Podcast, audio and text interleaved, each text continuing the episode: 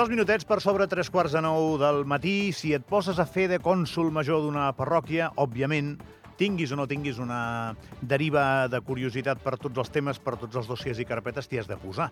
Però sempre n'hi ha alguns que són els teus i que és allò que et diuen m'encanta que em faci aquesta pregunta perquè ho domines, no? És el cas del cònsul major d'Andorra la Vella, David Estrier, i els temes de sostenibilitat. Per tant, és una molt bona oportunitat per parlar amb ell com a responsable polític, utilitzant l'obertura de l'entrevista o el pretext de l'entrevista periodísticament per parlar de l'aigua, de l'utilització de l'aigua, dels problemes inesperadíssims en la nostra cultura eh, pirenenca, eh, els problemes que tenim en, en, en l'ús d'aquesta aigua, perquè igual no hi ha reserves suficients. Bé, tot plegat arriba només uns dies després que una de les parròquies del país eh, decretés i anunciés públicament algun tipus de restriccions, poques, però restriccions d'aigua. Cònsul Major d'Andorra la Vella, David Estrier, bon dia. Bon dia, Gavi. Bon tothom. Bon dia, Anna. L'Anna ara mateix no està, però el saluda. Ah, bueno. pues, vinga, doncs bon dia a tots. No, bueno, que, que, que segur que, que li diu hola. Uh, escolti'm, bueno, com està bien el Mundial de Rugby? Que he dit abans que li preguntaria, li he de preguntar, que vostè jugava a rugby. Sí, sí, sí, vaig jugar a rugby durant molt temps i, bueno, m'estic estic seguint tots els partits, com no pot ser d'una altra forma. Vaig eh, encertar el, la victòria de Nova Zelanda contra tot pronòstic, perquè Islanda doncs, portava fent un molt, molt bon Mundial, però no vaig encertar la victòria de Sud-àfrica ahir perquè pensava que no ens guanyat. Jo tinc un gurú a la meva vida pel rugby, que és Toni Castillo, sí. i deia que guanyava el Mundial França. I, bueno, doncs, tots els gurus algun dia cauen. Sí, sí. I aquest cop també, tot i que em va donar la sensació que ahir perdia el millor equip dels dos, eh? No sé si vostè també la va tenir. Absolutament igual, sí, sí. Però bé, l'esport és d'aquesta manera. Anem a l'aigua, cònsul, que no l'he trucat per parlar de rugby. Uh, entendrà que culturalment sigui un xoc per tots els andorrans donar notícies de restriccions d'aigua. Oh, i tant que ho entenc. Ho entenc perquè Andorra sempre ha sigut un país de muntanya i qui diu país de muntanya doncs diu país d'aigua, però bé, eh, la realitat és la que és i, i jo sentia una mica la teva, la teva editorial, Gavi, i parlaves del canvi climàtic i això doncs, és una realitat eh, a tot arreu i a Andorra també. Eh, hi ha una persona aquí a Andorra, doncs, l'Eduard López Nirmi, que diu que Andorra és un oasi i que tota la raó. Perquè estem confrontats a les mateixes problemàtiques doncs, que, que, que tot el món. I des d'aquí, des d'Andorra, doncs, ja fa uns quants anys que es va observant, com a mínim nosaltres, en les nostres captacions, una disminució del de, eh, el recurs hídric. Ja fa doncs, del, des del 2021, per exemple, que les corbes de captació d'un dels nostres dipòsits doncs, ja va a la baixa, no? i això doncs, eren una mica doncs, de senyals d'alarma perdó, que, que pronosticaven tot això. Bé, eh, el cònsul Manó, l'altre dia, en un acte que no anava d'això, però va acabar parlant d'això també, li van preguntar sobre si Andorra, per exemple, Andorra la Vella, si, si en cas de tenir excedent d'aigua podria col·laborar amb les parròquies que ho necessitessin i es va mostrar obert a fer-ho en un debat, insisteixo també, que, que, que ens resulta molt nou. Eh, ho desenvolupem això una miqueta, David? Vinga, som-hi. Eh, aviam, mm, ja fa uns quants anys es va parlar d'una possible interconnexió entre la xarxa d'aigua potable d'Andorra i la d'Escaldes, que és una cosa molt fàcil de fer, perquè tècnicament, eh, Gavi, per dir-ho així molt gràficament, eh, la, la canonada nostra passa pel mateix carrer, o una de les canonades principals nostres passen pel mateix carrer que una de les canonades principals de la xarxa de distribució de la parròquia d'Escaldes, amb la qual cosa simplement és ficar una T eh, i, i fer una, una espècie de connexió. I això el que permetria doncs, és, eh, no sempre, però en determinats casos de necessitat, doncs poder obrir aquesta aixeta que amb aquesta T i alimentar una xarxa des de l'altra. No? Això tècnicament, tècnicament és fàcil i eh, des del punt de vista de control també és fàcil de fer-ho. Per tant, és una, una actuació que, que es va posar sobre la taula, com deia, fa una estona, uns, fa uns quants anys, però que penso que ara doncs, eh, hauríem de tornar a posar sobre la taula. Igual que nosaltres estem doncs, amb veïns, amb escaldes, i tècnicament això es podria efectuar d'una forma fàcil, eh, m'imagino que d'altres parròquies estan en el mateix context. No sé, doncs, se m'acudeixen d'altres parròquies que són veïnes i que segurament doncs, comparteixen, o si més no estan molt a prop d'una xarxa de l'altra. No? Uh -huh. I això doncs, és el que... Som un país petit, eh, Gavi, al final Mira, per una, una curiositat, nosaltres tenim una captació d'aigua que està a la parròquia de la Comella. Per tant, fem baixar aigua de, perdó, de la Comella, de la Massana eh, i fem baixar aigua de la Massana fins aquí per captar la, nostra aigua al dipòsit de la, de la Virena. Per tant, és una situació tan, tan normal i tan eh, freqüent que puguis tenir captacions fora de les teves parròquies que no veig, no, veig, no, veig, no, no veig per què no ens podríem connectar a les nostres xarxes.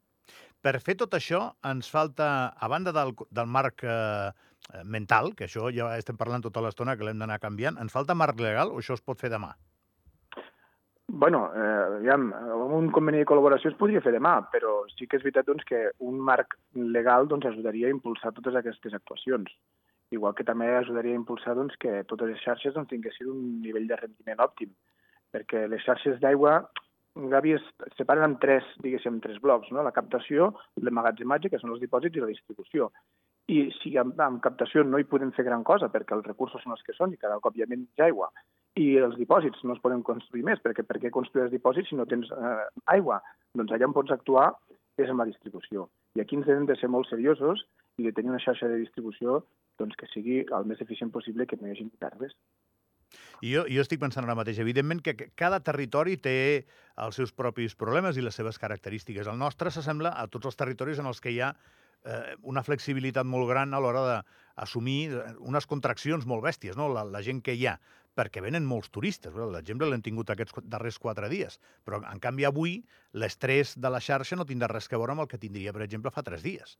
Llavors, tot això, incorporar-ho als càlculs, a les projeccions, eh, deu ser eh, possible, però no deu ser fàcil.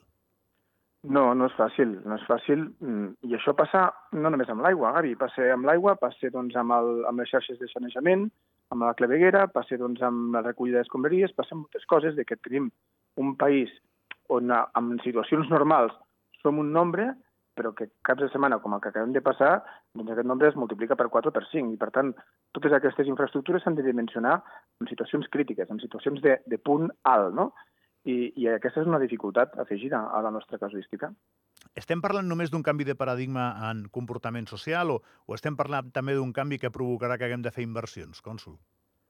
No, jo penso que aquí és una combinació de les dues coses. Eh? El canvi de paradigma també, perquè, eh, com dèiem a la introducció, eh, Andorra la Vella sempre havia sigut un país... Andorra la Vella, perdó, Andorra sempre havia sigut un país d'aigua i, per tant, estan acostumats a obrir l'aixeta i això doncs, no s'acaba de mai, però mm, ja no és així.